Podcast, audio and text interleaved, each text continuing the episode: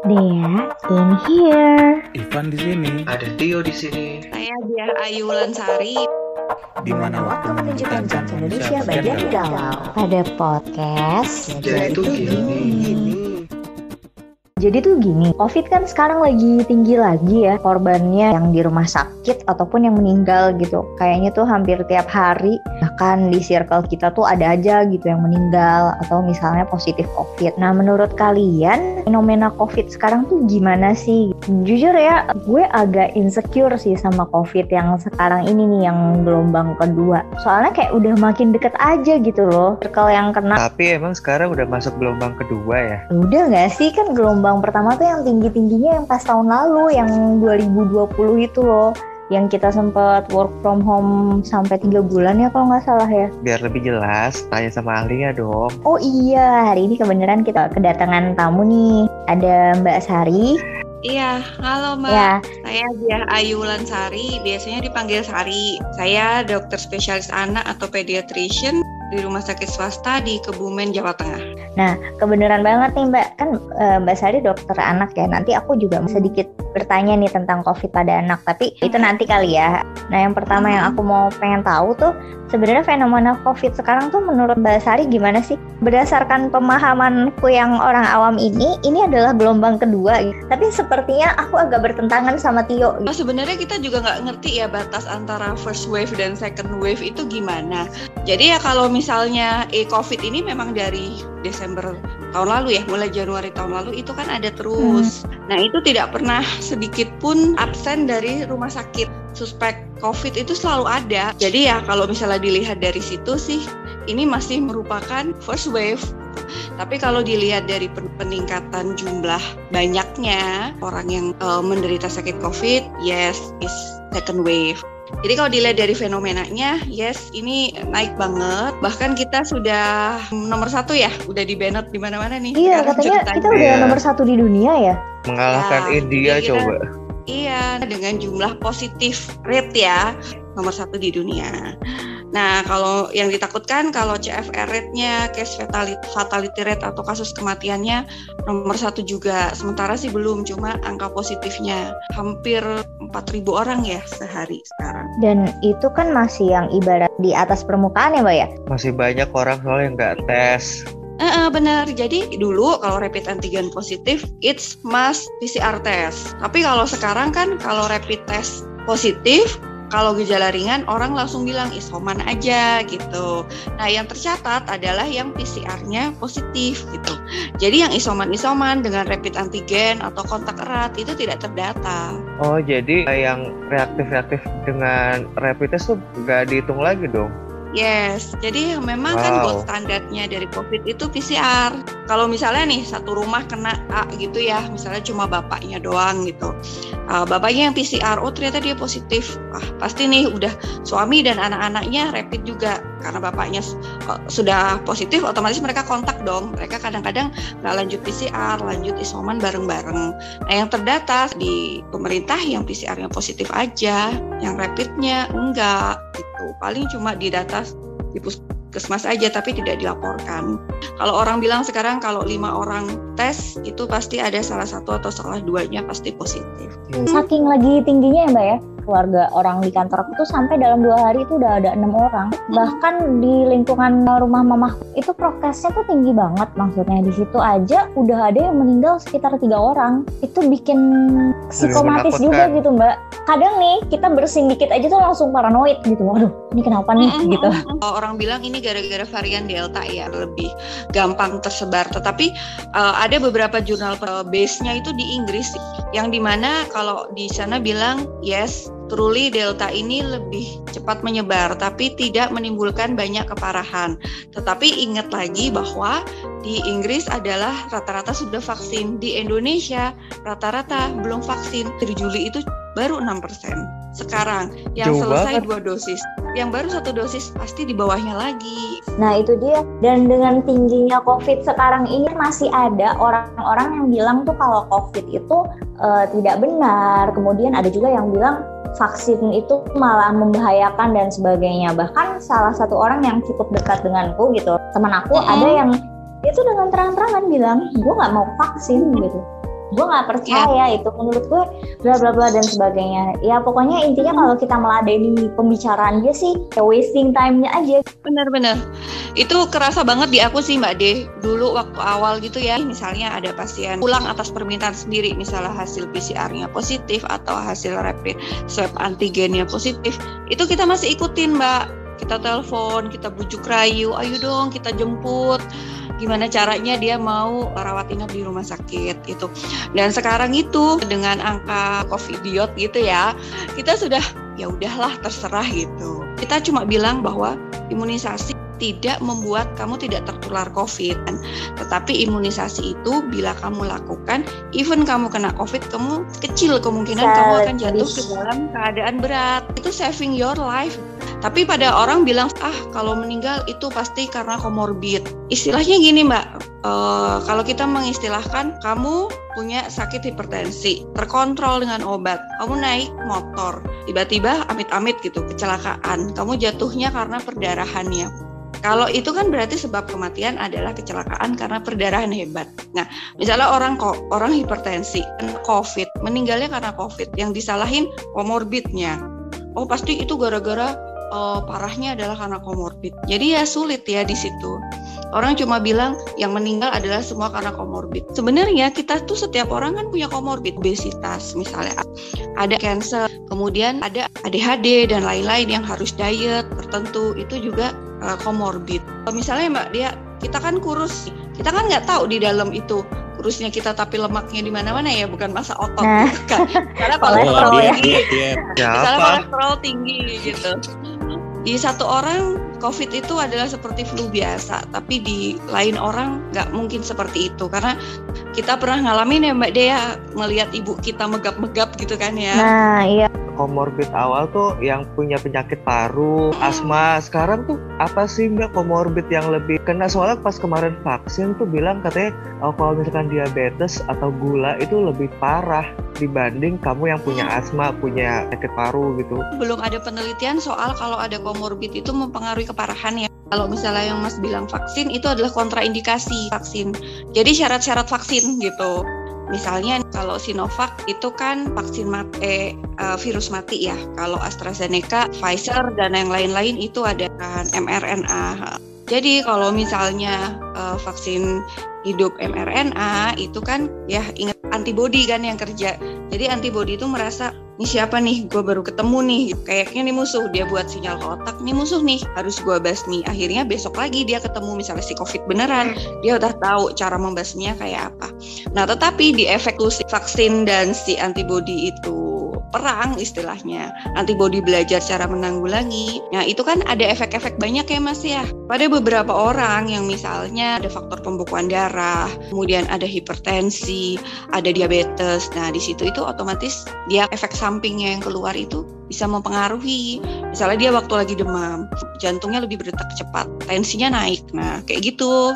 Soal gula atau apa itu belum jelas itu karena vaksinnya aja. Kalau gula, kalau DM itu kita tidak melihat berapanya ya, kita cuma lihat terkontrol atau tidak. Yang tidak boleh vaksin itu adalah satu yang autoimun atau yang konsumsi obat cancer atau sakit jantung yang bukan sakit jantung karena hipertensi ya. Misalnya sakit jantung bawaan atau infak atau sebelumnya. Nah itu juga tidak boleh. Tapi kalau hipertensi DM ibu hamil menyusui boleh aja vaksin asal dengan catatan terkontrol biasanya kalau orang-orang dengan komorbid itu kita minta dulu dokter spesialis penyakit dalamnya periksa dulu nih. Oke nih semuanya. Oke kita vaksin. Gitu aja sih gampangnya. Aku sebenarnya masih agak bingung deh mbak.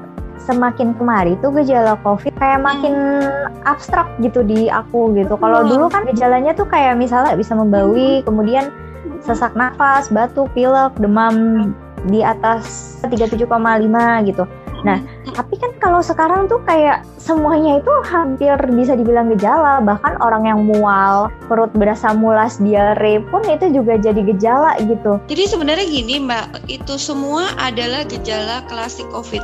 Even mau varian alpha, delta, beta, kappa. Itulah kenapa orang sering bilang kalau ke rumah sakit pasti di COVID kan. Nah, karena demam itu punyanya demam berdarah, punya batuk pilek. Batuk pilek itu punyanya selesma, punya influenza.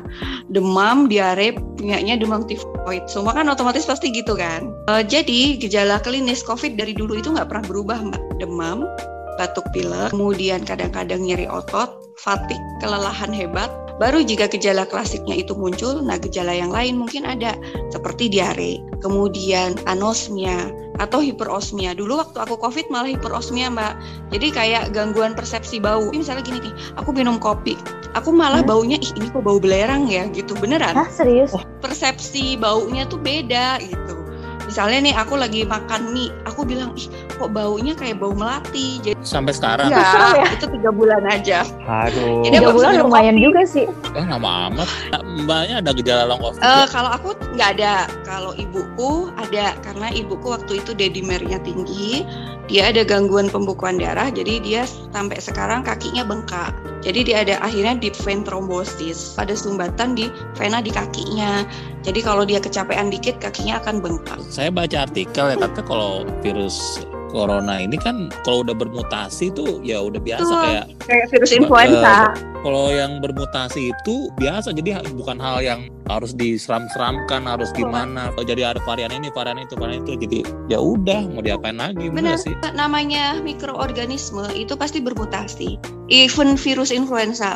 Kalau cermat kenapa vaksin influenza itu harus per tahun? Karena setiap tahun virus influenza itu bermutasi. Makanya kita harus vaksin influenza per tahun. Even si virus covid sudah jelas pasti bermutasi.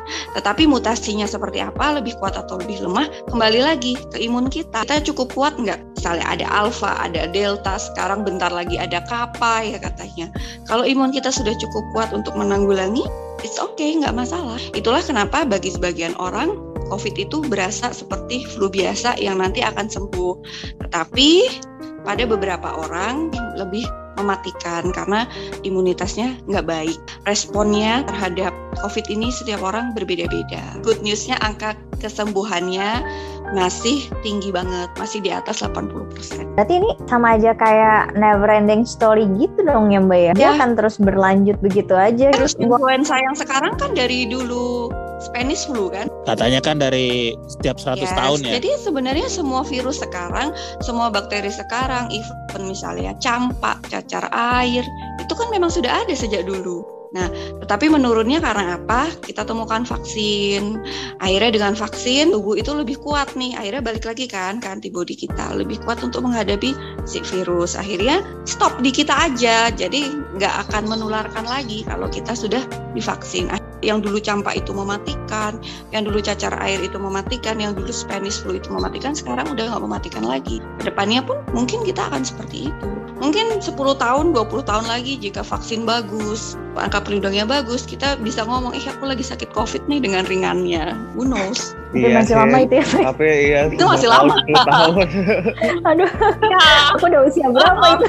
Karena sekali lagi sifat virus itu dia memang punya masa hidup. Misalnya kayak virus demam berdarah itu tujuh hari, kalau virus COVID itu 14. Setelah 14 hari ya dia mati sendiri. Beda dengan bakteri, bakteri Nah, dikasih obat, dikasih antibiotik asal sesuai, mati dia. Tapi kalau virus enggak. Jadi kita tunggu aja dia sampai mati sendiri. Tapi selama 14 hari dia buat kerusakan di bagian tubuh kita yang mana, itu yang harus kita waspadai. Pahitnya nih Mbak ya, ini COVID tuh sampai berapa lama sih gitu? Agak ribet juga ya, kayak misalnya kita juga kerja tidak bisa tiap hari gitu kan, terus harus pakai masker. Oh di Indonesia eh, berat ya? Indonesia. Di Indonesia kayak lama deh. Jadi untuk mencapai herd immunity aja, karena vaksin ya 60%. Ini sekarang kita di angka belum ada 10% nih yang dua dosis. Untuk mencapai angka 61% diperkirakan di Indonesia membutuhkan kalau cepat ya 3 sampai 5 tahun untuk vaksin aja ya. Belum menyadarkan orang-orang yang nggak percaya vaksin. Misalnya kita harus mencakup ke daerah-daerah remote gitu, daerah-daerah kecil yang seluruh Indonesia 3 tahun sampai lima tahun kalau masih banyak konspirasi-konspirasi seperti ini. Semakin tinggi angkanya kan isunya semakin merebak kan.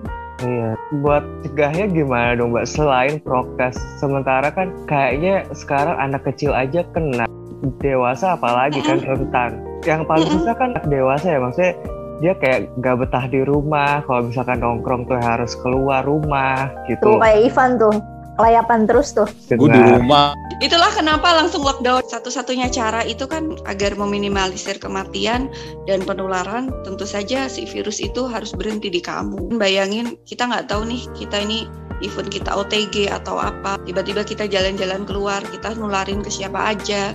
Kita nggak tahu. Dan tiba-tiba nanti kita sudah sembuh dengan santainya kita bilang, aku nggak sakit kok gitu. Tapi kita nggak tahu efeknya buat orang. Ya seperti kita bilang, mungkin di kita nggak masalah, tapi di orang masalah. Itulah yang butuh kerjasama semua orang sih sebenarnya. Jadi kalau Mbak Dia tanya kapan, sampai semua orang bisa taat prokes untuk sementara. sadar Itu diri aja, lah jadi- ya. Nggak apa-apa lah kamu kalau kita sekarang udah mau kamu paham telur atau paham jaring atau paham siapa pun, is okay gitu. Tapi lu keluar pakai masker tuh, lu jaga jarak. Gitu. Hargai orang lain lah ya. tuh dengerin Tio. Oh jadi Mas Tio ya, gitu aja Kalau nih sih. Tio nih parahnya Iya, sama Ipa kan nih.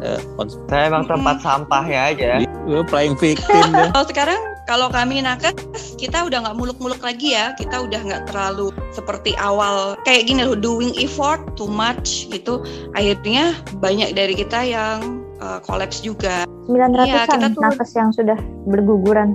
Eh, eh, akhirnya kita turunin standar sekarang ya udahlah lebih slow lebih tenang gitu aja dulu kalau misalnya nih aku dulu awal-awal wah kalau ada yang komen di Instagram uh kulawan sekarang aduh biarin aja deh mau dia bagaimana ya udah gitu aja Capek Asal kita cuma lama-lama bilang. ya. Iya, dan sampai gini sekarang cuma paling kalau misalnya aku lagi naik mobil di lampu merah sebelah kiri motor ada yang nggak pakai masker, paling gue cuma bilang Pak maskernya Pak sambil nurunin, gitu aja sih. Jadi ya Yes. saling mengingatkan aja sekarang sih. Nah itu Karena- tuh orang yang pakai masker itu juga masih banyak yang bandel.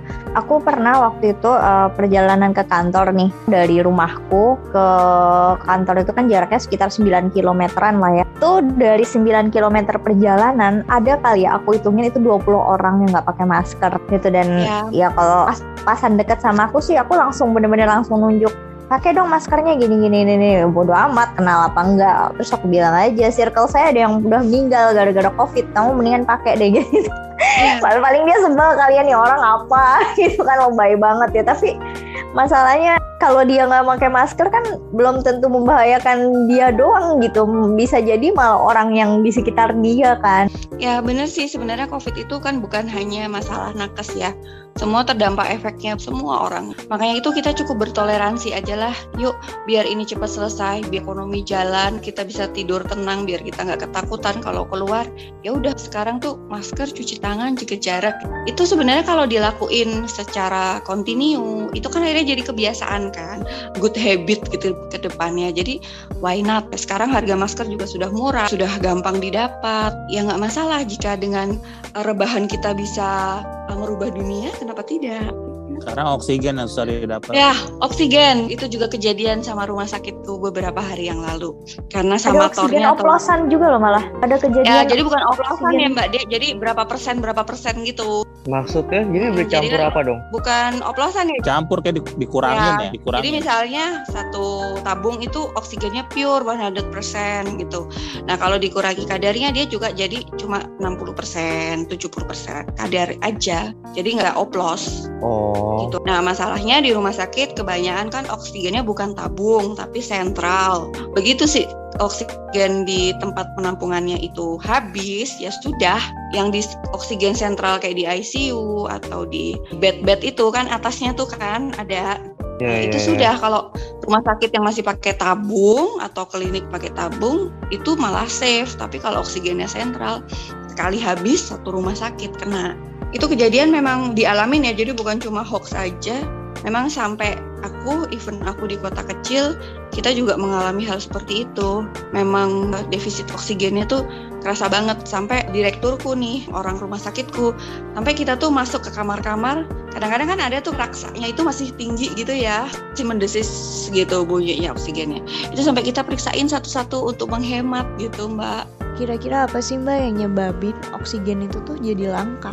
Di angka keparahannya persentase angka positifnya meningkat dan otomatis juga penghuni ICU semakin bertambah dan angka kematian yang semakin bertambah. Karena ICU penuh itu kan mbak? Jadi otomatis bed occupation rate-nya rumah sakit sekarang juga masih tinggi apalagi di Jakarta dan kota-kota besar ya nah jadinya kebutuhan oksigennya meningkat. Tetapi eh, sekarang sih kan ada isoman kenapa banyak orang meninggal di isoman? Jadi kriteria isoman itu belum begitu terstandarisasi.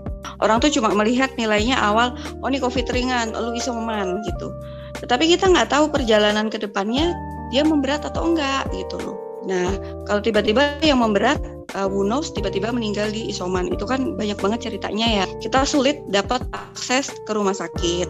Seperti itu. Kalau kayak kemarin itu mm. keluarga aku gitu keluarga uh, tante aku ya dia satu keluarga tuh berdelapan positif dan kebenaran. Dari berdelapan itu empat di antaranya itu cukup parah. Jadi awalnya mereka isoman biasa gitu. Mm. kayak gejala ringan gitu kan. Mm. terus tahu-tahu parah nyari oksigen juga susah gitu. Maksudnya oksigen udah dapet nih kebetulan uh, keluarga kan emang ada yang punya juga kan. Emang kita punya sendiri dari dulu dari zaman belum covid gitu. Nah tapi untuk mengisi oksigennya itu kan susah. Jadi tabungnya ada, ada. ketika mau ngisi itu di mana-mana nggak ada gitu. Nah akhirnya mereka uh, nekat lah lari ke uh, wisma atlet gitu. Hmm. Tapi di sana pun mereka nggak bisa masuk. Antri ya. Bener-bener nggak bisa masuk. Padahal itu udah udah seseknya tuh udah parah banget, udah nggak kuat. Hmm. Nah akhirnya mereka perawatan berbayar di Omni. Kalau yang ekonominya cukup lumayan lah ya, dia masih bisa berobat di swasta yang cukup bagus gitu ya. Memang sih agak keluar duit gitu. Nah tapi kan kasihan yang mereka itu uh, ekonomi ke bawah gitu yang mereka tuh nyari rumah sakit ke mana-mana nggak bisa gitu kan mau pakai uh, dokter pribadi atau apalah jalur yang lain juga nggak bisa gitu nah itulah yang akhirnya banyak meninggal itu tuh nah, gitu. itu adalah pendampingan buat yang isoman tapi sekali lagi kurangan sumber daya manusia kita gara-gara banyak yang uh, kolaps kan nakesnya. Akhirnya pendampingan untuk orang-orang isoman atau home visit itu ditiadakan. Puskesmas yang kocar-kacir kan karena harus mendata, dateng, menelpon dan lain-lain. Dan banyak yang nggak lapor juga loh Mbak yang sekarang ini. Betul. Ada nih ya, sebut saja dia mawar gitu. Ibunya ini tuh isoman gitu, terus nggak berasa nggak nafsu makan terus tahu-tahu dong dia nyari makan pengen makan sate ayam apa sate kambing gitu dan dia tuh makan langsung di tempatnya mbak mm -mm. Katanya biar nafsu makan coba bayangin itu kan membahayakan orang gitu. Udahlah dia nggak ngelapor gitu kan ke kelurahan. Dan itu banyak gitu yang kayak gitu. Kacau deh pokoknya. Kemarin aja aku punya pasien rapid antigennya positif anaknya juga positif. Terus waktu pulang nih aku kan mau beliin anakku nugget ibunya baru uh, belanja groceries di sana. Dengan alasan saya kayak mau isoman dok jadi saya melengkapi semuanya dulu. Ya bener sih cuma gimana ya? Ketemu benar-benar ibunya dengan santainya bawa dua anaknya yang positif dia groceries di situ. Kalau aku mau bilang sebenarnya COVID itu tidak bisa disepelekan. Kita tidak tahu imunitas kita seperti apa. Kita nggak tahu kita tuh sakit apa sih di dalam tubuh kita tuh? Kelihatan kita sehat-sehat aja. Tapi unos kita hipotensi. Tensinya rendah. Unos kita anemia. Yang kita menurunkan kadar imunitas kita itu. Dan sekarang sakit covid itu adalah sakit semua orang. Uh, kamu tuh nggak usah takut misalnya aduh aku takut mau di PCR aku takut di covid kan. Betul. nah semakin cepat kamu tahu covid kamu tuh segera mendapat penata laksana yang sesuai gitu loh. Dengan penata laksanaan yang lebih cepat kemungkinan terjadi perburukan maintenance-nya itu lebih cepat tertangani gitu. Jadi udahlah nggak usah takut-takut covid kan sekarang orang pada takut kan. Nanti kalau ke rumah sakit di covid kan nanti kalau aku tes PCR ah pasti hasilnya positif. Ini permainan nih gitu dan lain-lain. Jadi udahlah sekarang nggak usah mikir kayak gitu. Kalau memang nggak enak badan udah langsung tes aja gitu. Kalau memang hasilnya positif sudah tahu ketentuannya sekarang menurut Kemenkes bahwa kalau gejala ringan itu adalah isolasi mulai isolasi mandiri mulai kapan yaitu selama 10 hari dari hasil swab keluar Nah, kalau dia bergejala, minimal isolasinya adalah 13 hari dari gejala pertama kali muncul ditambah tiga hari bebas gejala. Itu syaratnya. isolasi mandiri. Jadi dari 13 hari itu sudah dipastikan ada tiga hari bebas gejala. Ya, kalau sekarang dari Kemenkes kita tidak tes PCR lagi post isoman. Karena positif pun itu tidak menunjukkan bahwa virus itu masih menularkan. Jadi se- setelah 14 hari si virus itu kan mati tuh. Nah, even kamu tes PCR-nya positif, bukan berarti kamu masih sakit, bukan berarti kamu menularkan. Jadi sudah aman. Jadi sekarang kan dari Kemenkes bilang nggak usah tes tes PCR lagi, nggak usah banyak-banyak tes lagi gitu. Kalau kamu sudah isoman 14 hari, ya sudah gitu. Cuma pada beberapa kantor perusahaan kan harus mengharuskan ada tes PCR gitu aja sih. Jadi even setelah isoman kamu nggak tes itu nggak masalah. Yang penting kamu sudah memenuhi syarat-syarat isolasi mandiri tadi. Kalau dengan gejala ringan atau tanpa gejala. Tapi kan banyak yang orang-orang takut tes itu gara-gara takut dikucilkan sebenarnya sih dengan hasilnya rata-rata itu ya takut aku ya. dijauhin orang Iya. sekampung. Jadi aku bingung sekarang COVID kita itu kan udah deket banget ya. Jadi double standar ya orang-orang. Jadi satu misalnya dia COVID dia takut dijauhi, tapi satu sisi dia juga bisa menyebarkan. Dan kalaupun dia COVID dia langsung denial. Jadi menurutku ya seperti yang aku bilang tadi Mas Tia, udahlah sekarang kita sadar bahwa memang bukan cuma Indonesia nih yang begini, seluruh dunia itu juga seperti ini. Semua ada dampaknya. Jadi bukan cuma lu yang menderita. Udahlah sekarang yuk kalau misalnya kamu lagi nggak enak badan, udah tes aja. Kalau nggak COVID, alhamdulillah gitu. Tapi kalaupun COVID, nanti di review. Aku ada gejala nih, aku ada gejala demam dan lain dan lain dan lain. Berarti harus lapor ke rumah sakit terdekat atau lewat telemedicine. Sekarang kan banyak ya. Kemudian lapor puskesmas yang paling dekat. Dapat obat apa saja, kemudian didata, kemudian diapakan. Sudah isolasi mandiri.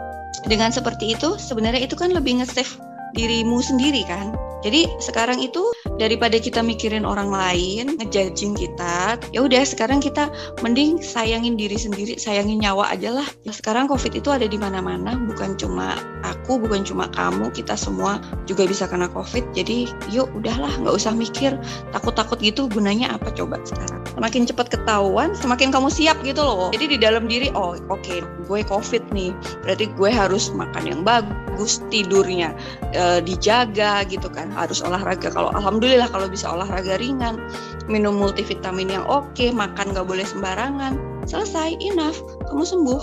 Jadi bagaimana kamu memaintenance tubuh itulah yang terproyeksi. Ini tubuh nih cuma satu nih nggak ada spare partnya. Kalau misalnya paru kita jelek gak ada yang jual lagi. Mau dipakai sampai tua harapan-harapan kita ke depannya tuh masih banyak gitu. Kalau misalnya mau hidup sehat, masya Allah, amit-amit gitu. Kalau kita meninggal, penderitaan selesai. Kalau masih ada long covid, gejala ikutan yang mengharuskan kita di rumah, nafas pendek-pendek, kemudian seperti ibuku yang kakinya bengkak atau ada faktor pembekuan darah yang bisa ngikut kita sampai beberapa tahun ke depan. Jadi ya udah, yuk sekarang kita prokes aja, kurangi stres. Gimana kamu stres orang di rumah mulu? itu dia mbak. Kalau untuk yang orang introvert kayak Tio gitu, dia mah happy malah Ya, di ya, rumah orang terus. Nah, gitu. Iya lah. Nah. Iya kan? Nah kayak misalnya kayak aku gitu atau misalnya si Ivan yang emang sukanya gajah gijik ke mana-mana Ih. tuh lumayan juga ya tembok lagi tembok lagi di ngaku nggak lo Eh, stres kan lo nggak bisa nonton di XX1 kan Van ada ada link ada link dari Tio gampang. mantap Tapi kan ambil hikmahnya Mbak De, jadi hemat nggak sih? malah makin boros mbak aku GoFood Karena mulu Gojek terus ya. Itu yang terjadi sama aku sih. Tapi ya, Shopee jadi banyak ya yang di checklist ah, aku nggak tergoda sih Shopee. Soalnya untuk apa? Kita mau beli baju juga nggak bisa dipakai ke mana-mana. ini harusnya Gitu. banyak yang harus dengerin sih nih, kayak gini-gini jadi bebenah rumah mbak jadi kan karena di rumah ya jadi bawaannya tuh pengen beli-beli di Shopee gitu loh kayak untuk hiasan rumah atau apa Gak apa-apa kan ya atau baru. mainan anak yang kayak gitu-gitu Mengatasnamakan self reward gitu ya Mbak. biar happy gitu alasannya gitu gue shopping biar happy Ya, jadi memang banyak banget ya sekarang psikosomatis, untuk psikosomatis. nambah imun Terus ya dengan alasan nambah imun. Uh, but everybody juga stres. Bukan cuma kita tidak bisa keluar. Bagaimana ekonomi kita ke depannya. Bagaimana yang lain-lain itu banyak banget lah. Kalau nakes itu stresnya lebih yuk kita bertahan hidup aja lah nggak apa-apa lah ketularan asal gejala ringan dah gitu aja kalau kita.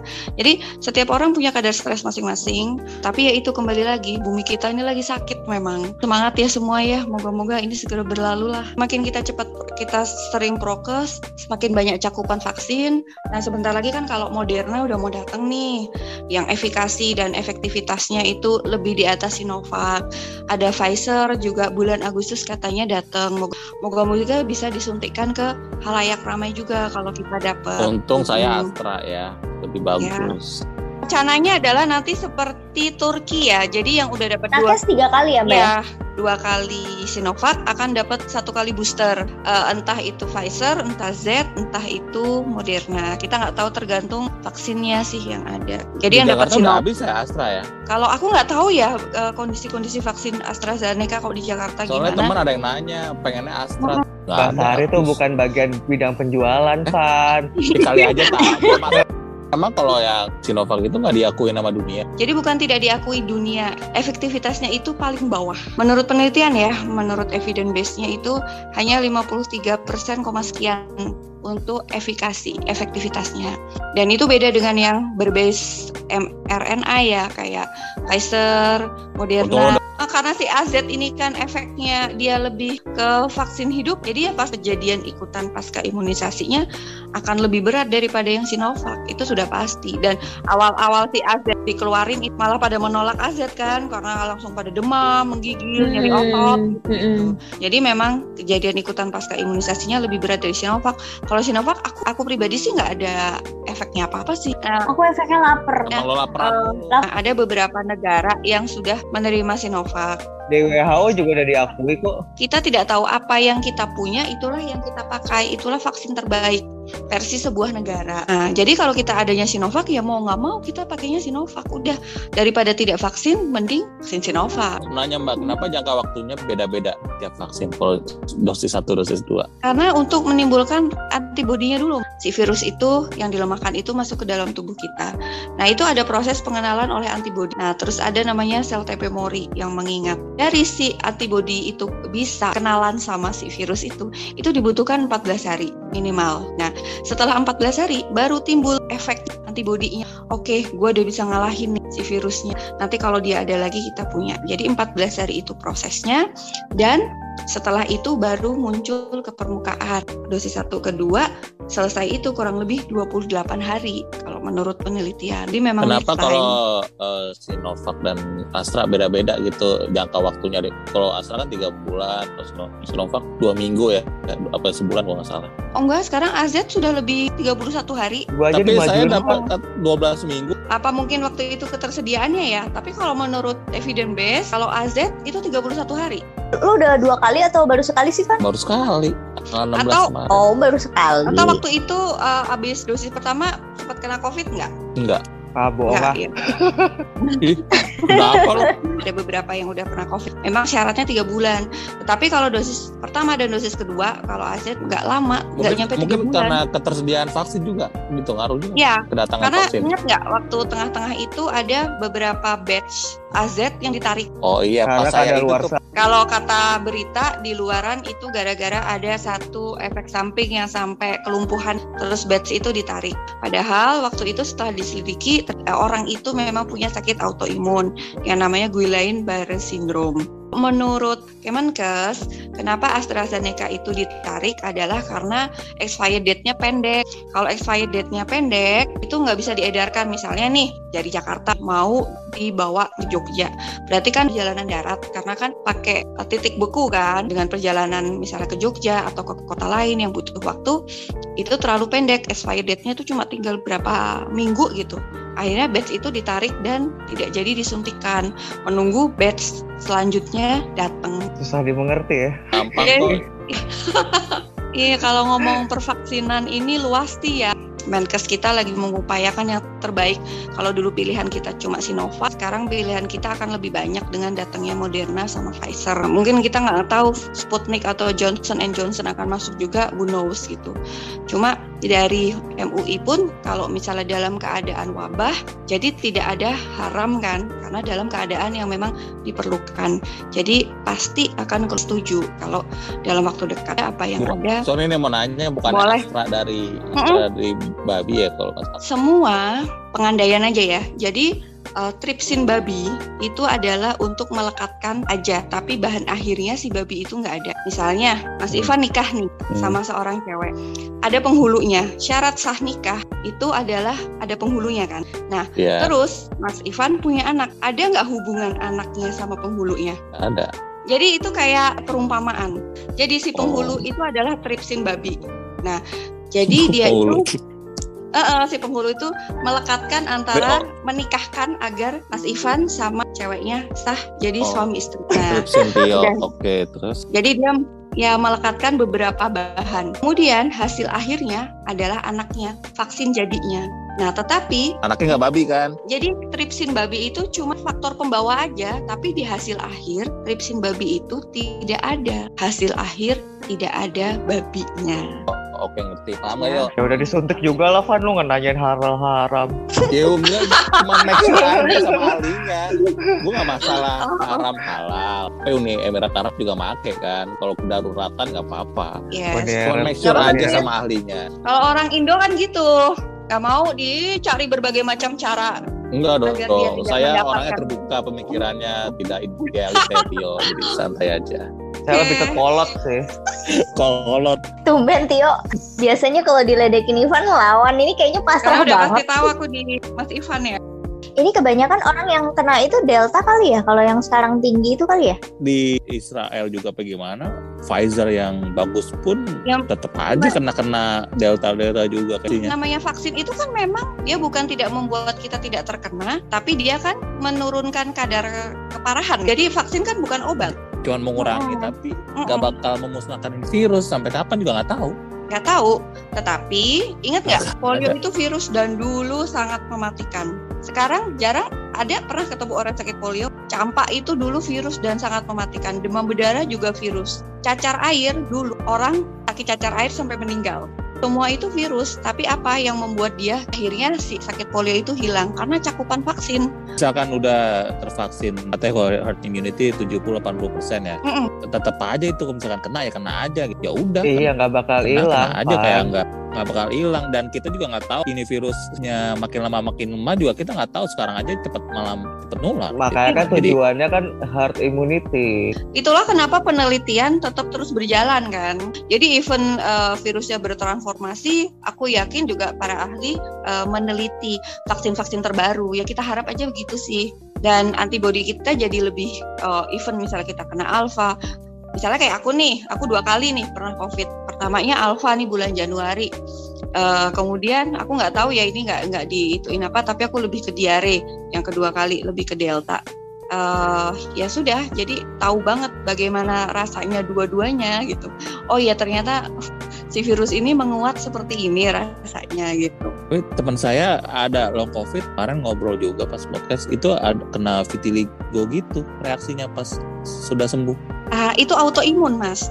Bahkan temanku ada yang meninggal bukan karena covidnya tapi setelah itu dia autoimun. Jadi saking si tubuh kita itu mau menyerang si covid itu tuh benar-benar bukan hanya si covid yang dirusak tapi juga organ kita tubuh kita sendiri. Jadi tubuh kita sendiri serem. menyerang tubuh kita. Sebelum bilang berarti sebelumnya teman saya udah autoimun terus kena covid jadi makin begitu. ingat nggak dulu ada istilah badai sitokin Iya iya pernah dengar cuma nggak ngerti. Pernah dengar? Beda Iya, jadi gini, jadi ya ada virus masuk ke dalam tubuh. Virusnya itu eh, misalnya dia tuh membelah diri, jadi jumlahnya banyak banget, banyak banget. Tubuh itu reaksinya adalah bagaimana cara memusnahkan si virus itu, entah bagaimana caranya. Misalnya nih si virus itu kumpulnya di paru, akhirnya si tubuh kita itu eh, memusnahkan, misalnya dibom nih ya gitu, dibom sampai akhirnya eh, si paru kita sendiri itu rusak oleh tubuh kita sendiri. Misalnya dari COVID itu kerusakannya cuma misalnya 20%, gara-gara ada badai sitokin kerusakannya lebih tinggi. Itu yang disebut autoimun. Akhirnya kejadian ikutannya banyak banget. Bisa vitiligo, bisa ruam. Kalau ibuku itu kayak urtikaria, jadi kayak memblek-memblek merah sepanjang tubuh sampai ada gangguan penjendalan darah dan lain-lain. Kayak ini bukan sih siapa dulu yang artis juga ada tuh yang ruam-ruam itu itu juga berarti gara-gara Ya. itu. Gara-gara autoimun juga. Tapi persik. Oh iya iya Wah, jadi Apal ya kalau gitu. Kalau misalnya tubuh kita sudah bisa meregulasi, ya sudah. Tapi ada juga yang kerusakannya terlalu luas, ya akhirnya malah istilahnya mempercepat karena si badai sitokin itu. Eh, bisa jadi orang yang kena autoimun itu justru awalnya gara-gara dia sakit yang lain ya gitu. Terkait Ya. si COVID. Eh, COVID ini menimbulkan autoimun dan gejala long COVID yang setiap orang beda-beda. Tapi apakah gejala long COVID-nya itu berapa bulan, sebulan, dua bulan, tiga bulan itu beda-beda. Kalau ibuku dari Desember sampai sekarang itu dia masih. Mm, setengah Mm-mm. tahun. Kalau aku itu kurang lebih tiga bulan. Eh, tubuh itu kan perlu untuk memperbaiki sel-sel tubuh yang rusak. Sehat itu mahal. Oh, soal autoimun nih, eh, autoimun di COVID ya maksudnya after COVID itu kan ada yang bilang karena memang saking si imun tubuhnya itu mau memerangi si Mm-mm. COVID. Nah, aku pernah dengar juga nih teman sih kan jadi ada eh, dari orang tuh saking takutnya dia kena COVID segala macam kan mereka kan pakai eh, imun booster gitu kan, ya entah itu vitamin C, vitamin D segala macam. Nah, terus ada temen yang bilang katanya justru jangan konsumsi itu terlalu berlebihan gitu Im- jangan apa-apa tuh bener-bener imbus bener-bener imbus nanti malah ketika kita sakit malah bisa jadi lebih parah itu mungkin maksudnya kaitannya ke itu ya mbak ya Sebenarnya imunomodulator itu hanya digunakan bila kita sakit aja, bukan buat membuat kita sehat. Jadi sebenarnya nggak usah minum imunomodulator, kita punya sistem imun sendiri yang oke. Apa yang terjadi kalau kita kebiasaan diberi imunomodulator lebih dari beberapa hari atau kita minum setiap hari sebagai maintenance, akhirnya apa? Tubuh kita yang harusnya bisa memproduksi sistem imun sendiri, dia jadi kayak males produksinya karena dia tahu, oh itu kita akan mendapat dari luar. Minum aja susu beruang sama UC 1000. Sebenarnya tubuh kita ini kan juga sudah cukup pinter ya, cuma menyerap apa yang dia butuhkan. Kebutuhan dewasa itu berkisar 500 sampai 1000 mg vitamin C per hari. Misalnya kita beranggapan, duh biar sehat kita minum 2 botol UC. Nah, 1000 mg itu sudah diserap tubuh, digunakan tubuh untuk makro dan mikronutrien, digunakan untuk eh, disimpan dan lain-lain. Mbak minum dua, tubuh itu udah nggak butuh Mbak 1000 mg ya, udah botol kedua tuh nggak butuh. Yang jadi apa? Udah cuma dikeluarin, cuma numpang lewat lambung. sebotol ya. Betul. Asal makan masifan bagus ya, misalnya masifan mau buah, mau apa yang kira-kira mencukupi 500 sampai 1000 mg ya, kamu nggak usah minum UC karena sama aja, cuma bebanin ginjal aja kan. Tapi kalau nggak yakin, aduh makannya masih makan makanan amburadul lah, ya udah, ya memang kamu Makan jeroan, kayak Tio. Terus makan apa lagi? Fast Makan food hati. kayak gitu. masalah Aduh, makan hati mbak.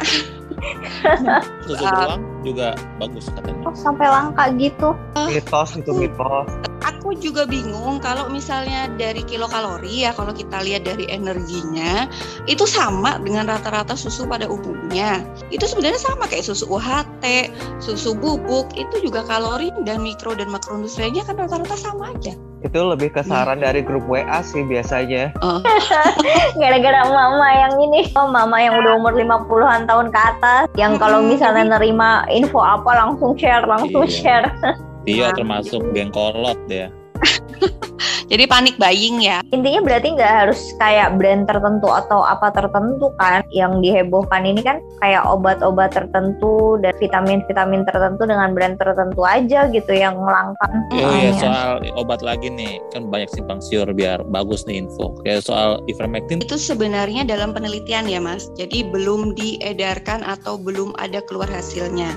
Setauku dia itu waktu ada penelitian, aku lupa mohon maaf negaranya di mana, itu menggunakan ivermectin tapi sampelnya sedikit, hanya kurang lebih 75 sampai 100 orang. Nah, dari sampel sedikit itu hasilnya bermakna. Hasilnya ivermectin itu it works. Nah, akhirnya tersebarlah ke seluruh dunia bahwa ivermectin itu it works. Kemudian dilanjutkan lagi ke penelitian dengan sampel yang lebih besar. Jadi sampai 500-an orang. Dan dari hasil dengan sampel orang yang lebih besar, di situ disimpulkan ivermectin tidak menunjukkan adanya perubahan pada COVID berat maupun COVID ringan. Jadi untuk sementara ivermectin masih dalam tahap penelitian, eh, tetapi sekarang apakah dimasukkan ke dalam obat COVID? Tidak dimasukkan. Tapi katanya pas kemarin tsunami COVID di India pakai gituan kata begitu buat gejala ringan pada sembuh katanya. Nah, makanya itu kalau kita ngomong penelitian, kalau kita ngomong evidence base, itu kan pasti ada yang dapat, ada yang enggak. Nah, kalau misalnya kita kan sedang lagi dalam meneliti nih, Mas. Kalau dalam penelitian kita memang ivermectin itu it's work, pasti akan kita masukkan. Cuma sekarang yang obat terbaru yang kita masukkan itu yang sudah ada penelitiannya keluar adalah Acterna, yaitu isinya interleukin. Udah itu. Bahkan plasma konvalesen pun itu sebenarnya dalam penelitian pun hasilnya adalah tidak begitu berguna. Tetapi beberapa orang yang dapat plasma konvalesen itu luar biasa sekali perbaikannya. Jadi itu lebih ke art Berarti, of therapy. berarti masih kayak efek placebo aja ya? Mm-mm. Kalau kita ngomong penelitian ya, aku kan nggak mungkin ngomong uh, secara individual gitu. Jadi kalau kita ngomong secara penelitian secara kesehatan, sementara ivermectin adalah belum direkomendasikan untuk pengobatan COVID. Nah, ke depannya bagaimana? Ini lagi dalam penelitian dengan tahap yang lebih luas. Ada yang Hmm. eh, positif sehari besoknya sembuh ada yang kayak gitu ya. Itu gimana tuh jelasinnya? Jadi gini, tingkat keparahan COVID itu sebenarnya kan ada di dua hal, yaitu satu viral load. Viral load itu adalah sebanyak apa si virus itu ada dalam tubuhmu. Terus kedua yaitu eh, varian. Kamu kenanya varian apa? Nah, kalau Mas bilang ini yang PCR ya, apa swab antigen? Ada Biasanya yang positif. PCR sih, Oh, yang kayak PCR. kemarin kan heboh Elon Musk tuh yang empat kali PCR, dua positif, dua negatif. Biasanya kita lihat satu hari ini kita PCR, eh, hari ini positif, besok kita negatif. Anggap aja seperti itu ya.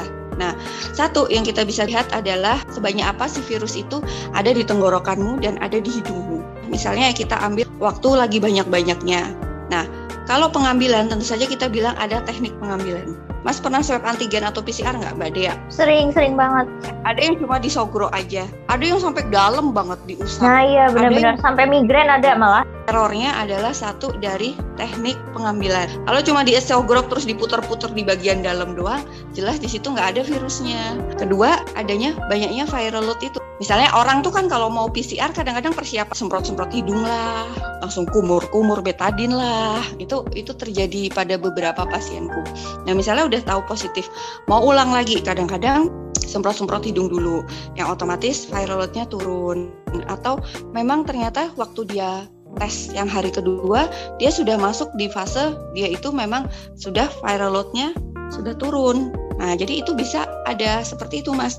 Tetapi kalau kita ngomong PCR, kita ngomong gold standard, yang kita nilai tetap yang positif.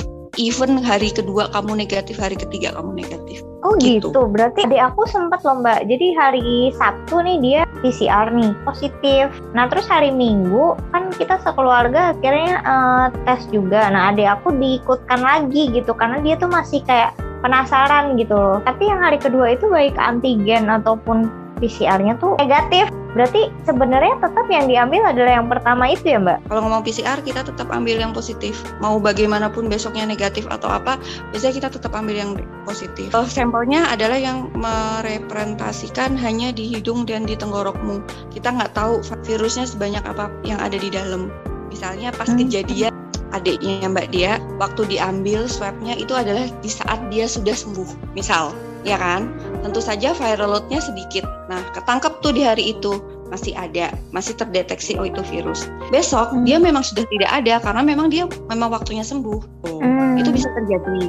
Jadi tergantung juga hari keberapa sejak timbulnya gejala atau hari keberapa kamu sakit. Gitu. Nah masalahnya Dia. adik aku tuh OTG mbak waktu itu. Jadi, Oh. jadi dia tuh benar-benar nggak ngerasa ada gejala apa ataupun apa tuh nggak ada sama sekali gitu, nggak ada feel apa-apa gitu. Nah tapi dia memang waktu itu PCR karena dia ada pelatihan, jadi harus PCR dulu gitu, nggak boleh antigen doang gitu. Nah ketika Kalau kemarin- PCR malah positif gitu. Ya, berarti mungkin waktu itu adiknya Mbak Dea memang positif, cuma waktu dites lagi entah teknik pengambilan yang tidak baik atau memang si virusnya itu memang sudah nggak ada atau viral load-nya di hidung dan tenggorok itu memang udah nggak ada. Itu tergantung hari keberapa dia sakit. Oh gitu ya. Berarti harus PCR lagi yang ketiga gitu kali ya?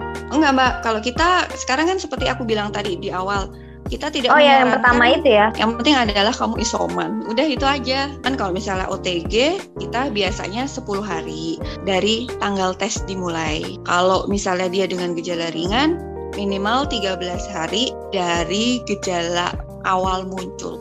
Nah Mbak, kalau misalkan untuk COVID pada anak nih Mbak, jadi sebelum kita PPKM, kantorku memang sempat lockdown karena ada beberapa case gitu, ada beberapa klaster di kantor aku kejadian staff-staffnya itu kena COVID gitu. Nah, salah satu penyebabnya justru bukan dari orang di kantor itu sendiri, tapi malah dari anak-anak mereka awalnya gitu. Jadi ada yang anaknya lagi demam atau segala macam, terus akhirnya nularin ke orang tuanya gitu. Nah ini yang pada anak-anak ini kan yang aku lihat kayaknya sekarang lagi tinggi-tingginya ya Mbak ya.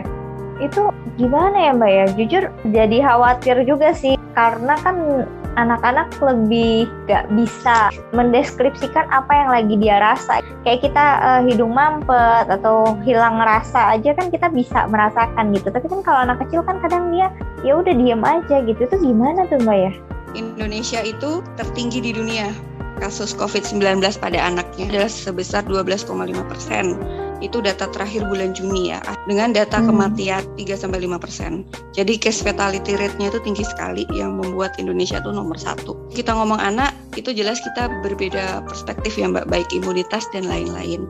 Itulah kenapa dari awal kita bilang waktu pertama kali COVID muncul, kita langsung simpen nih generasi muda kita di rumah. Kita perep anak itu lebih gampang tertular karena satu jelas seperti Mbak Dia bilang nggak bisa dikasih tahu nggak nggak bisa pakai masker dalam jangka waktu lama hygiene-nya kurang bagus tetapi menurut data di dunia anak itu malah kebanyakan kalau menderita COVID itu adalah gejala ringan. Kalau yang sampai meninggal itu rata-rata gimana Mbak? Nah, anak itu juga punya komorbid mbak seperti obesitas, kurang gizi, dan ingat negara kita TBC masih banyak. Anak dengan stunting, misalnya cancer, itu komorbidnya anak.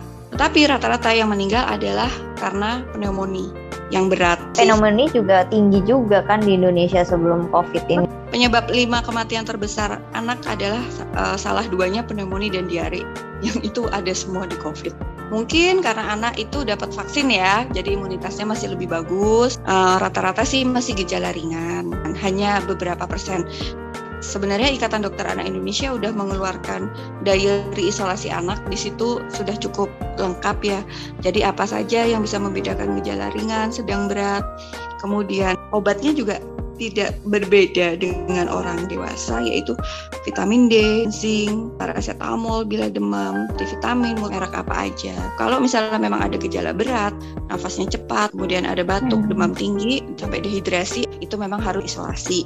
Susahnya adalah kalau anak isolasi harus didampingi orang tua. Misalnya orang tuanya awalnya negatif, dia jadi positif. Awalnya negatif jadi positif. Nah, Iya. Dan sekarang juga banyak bayi-bayi yang tertular dari ibunya gara-gara ibu hamil dengan COVID. Melahirkan dia kondisi lagi COVID gitu ya. Ya, kayak gitu. Nggak banyak sih bayi yang ikut tertular. Sekarang beberapa tempat screeningnya adalah ibu hamil sebelum melahirkan memang harus tes minimal swab antigen. Jadi bukan di COVID kan, cuma memang syarat untuk melahirkan di rumah sakit memang harus swab antigen. Kalau misalnya swab antigennya positif, langsung dipisahkan bangsalnya kan otomatis. Terus yang kedua, agar nakesnya lebih siap. Misalnya nih, waktu melahirkan mendampinginya dengan asma, PD, masker N95 dan baru tahu oh anaknya langsung eh, kita posisikan sebagai ibu dengan COVID. Jadi perlukah misalnya IMD, kita lihat dulu kalau gejala ringan boleh Misalnya si ibunya COVID tapi anaknya enggak. Nah terus bisa menyusui enggak? tetap menyusui, tetap IMD. Tetap ya, tetap menyusui. IMD. Mm, tapi kalau ibunya gejala sedang atau berat, biasanya kita pisah. Tetap menyusui rutin per 2 jam sekali atau justru kan kalau sekarang kan bayi kan rata-rata ditiduri di eh, dalam satu ruangan ya sekarang ya sekarang ini rata-rata Hmm. rumah sakit ibu dan anak kan seperti Benar, itu kan benar. Nah, Benar, kalau yang balik. kondisinya ibu COVID, kasih bayi tetap dalam satu ruangan sama si ibu. Setelah susu beruang kan ada penelitian lagi tuh apa? Air susu ibu mempunyai antibodi yang bagus untuk melawan COVID kan. Oh, I see, I see. Nah, jadi sejak itu adalah bila ibu dengan gejala ringan dengan fasilitas rumah sakit yang memadai, misalnya punya ruang isolasi ibu dan bayi, maka tetap ibu menyusui seperti biasa, menyusuinya dengan masker ya tentu aja. Kalau rumah sakit itu memang nggak punya ruang isolasi khusus ibu dan bayi, memang biasanya langsung dipisah. Bayinya langsung pulang gitu Mbak D biasanya. Bayinya langsung dikasih Oh. keluarga rumah sakitnya cukup lengkap, biasanya sih kita jadi satukan kalau ibunya gejala ringan. Jadi tetap menyusui langsung ya. boleh menyusui baik secara pumping ataupun direct breastfeeding. Jadi karena ada penelitian ke bawah di dalam ASI itu mempunyai antibodi yang berguna untuk COVID, maka tetap boleh menyusui, nggak masalah. Tetap diperem dulu ya di rumah, jangan dibawa ke mana-mana dulu.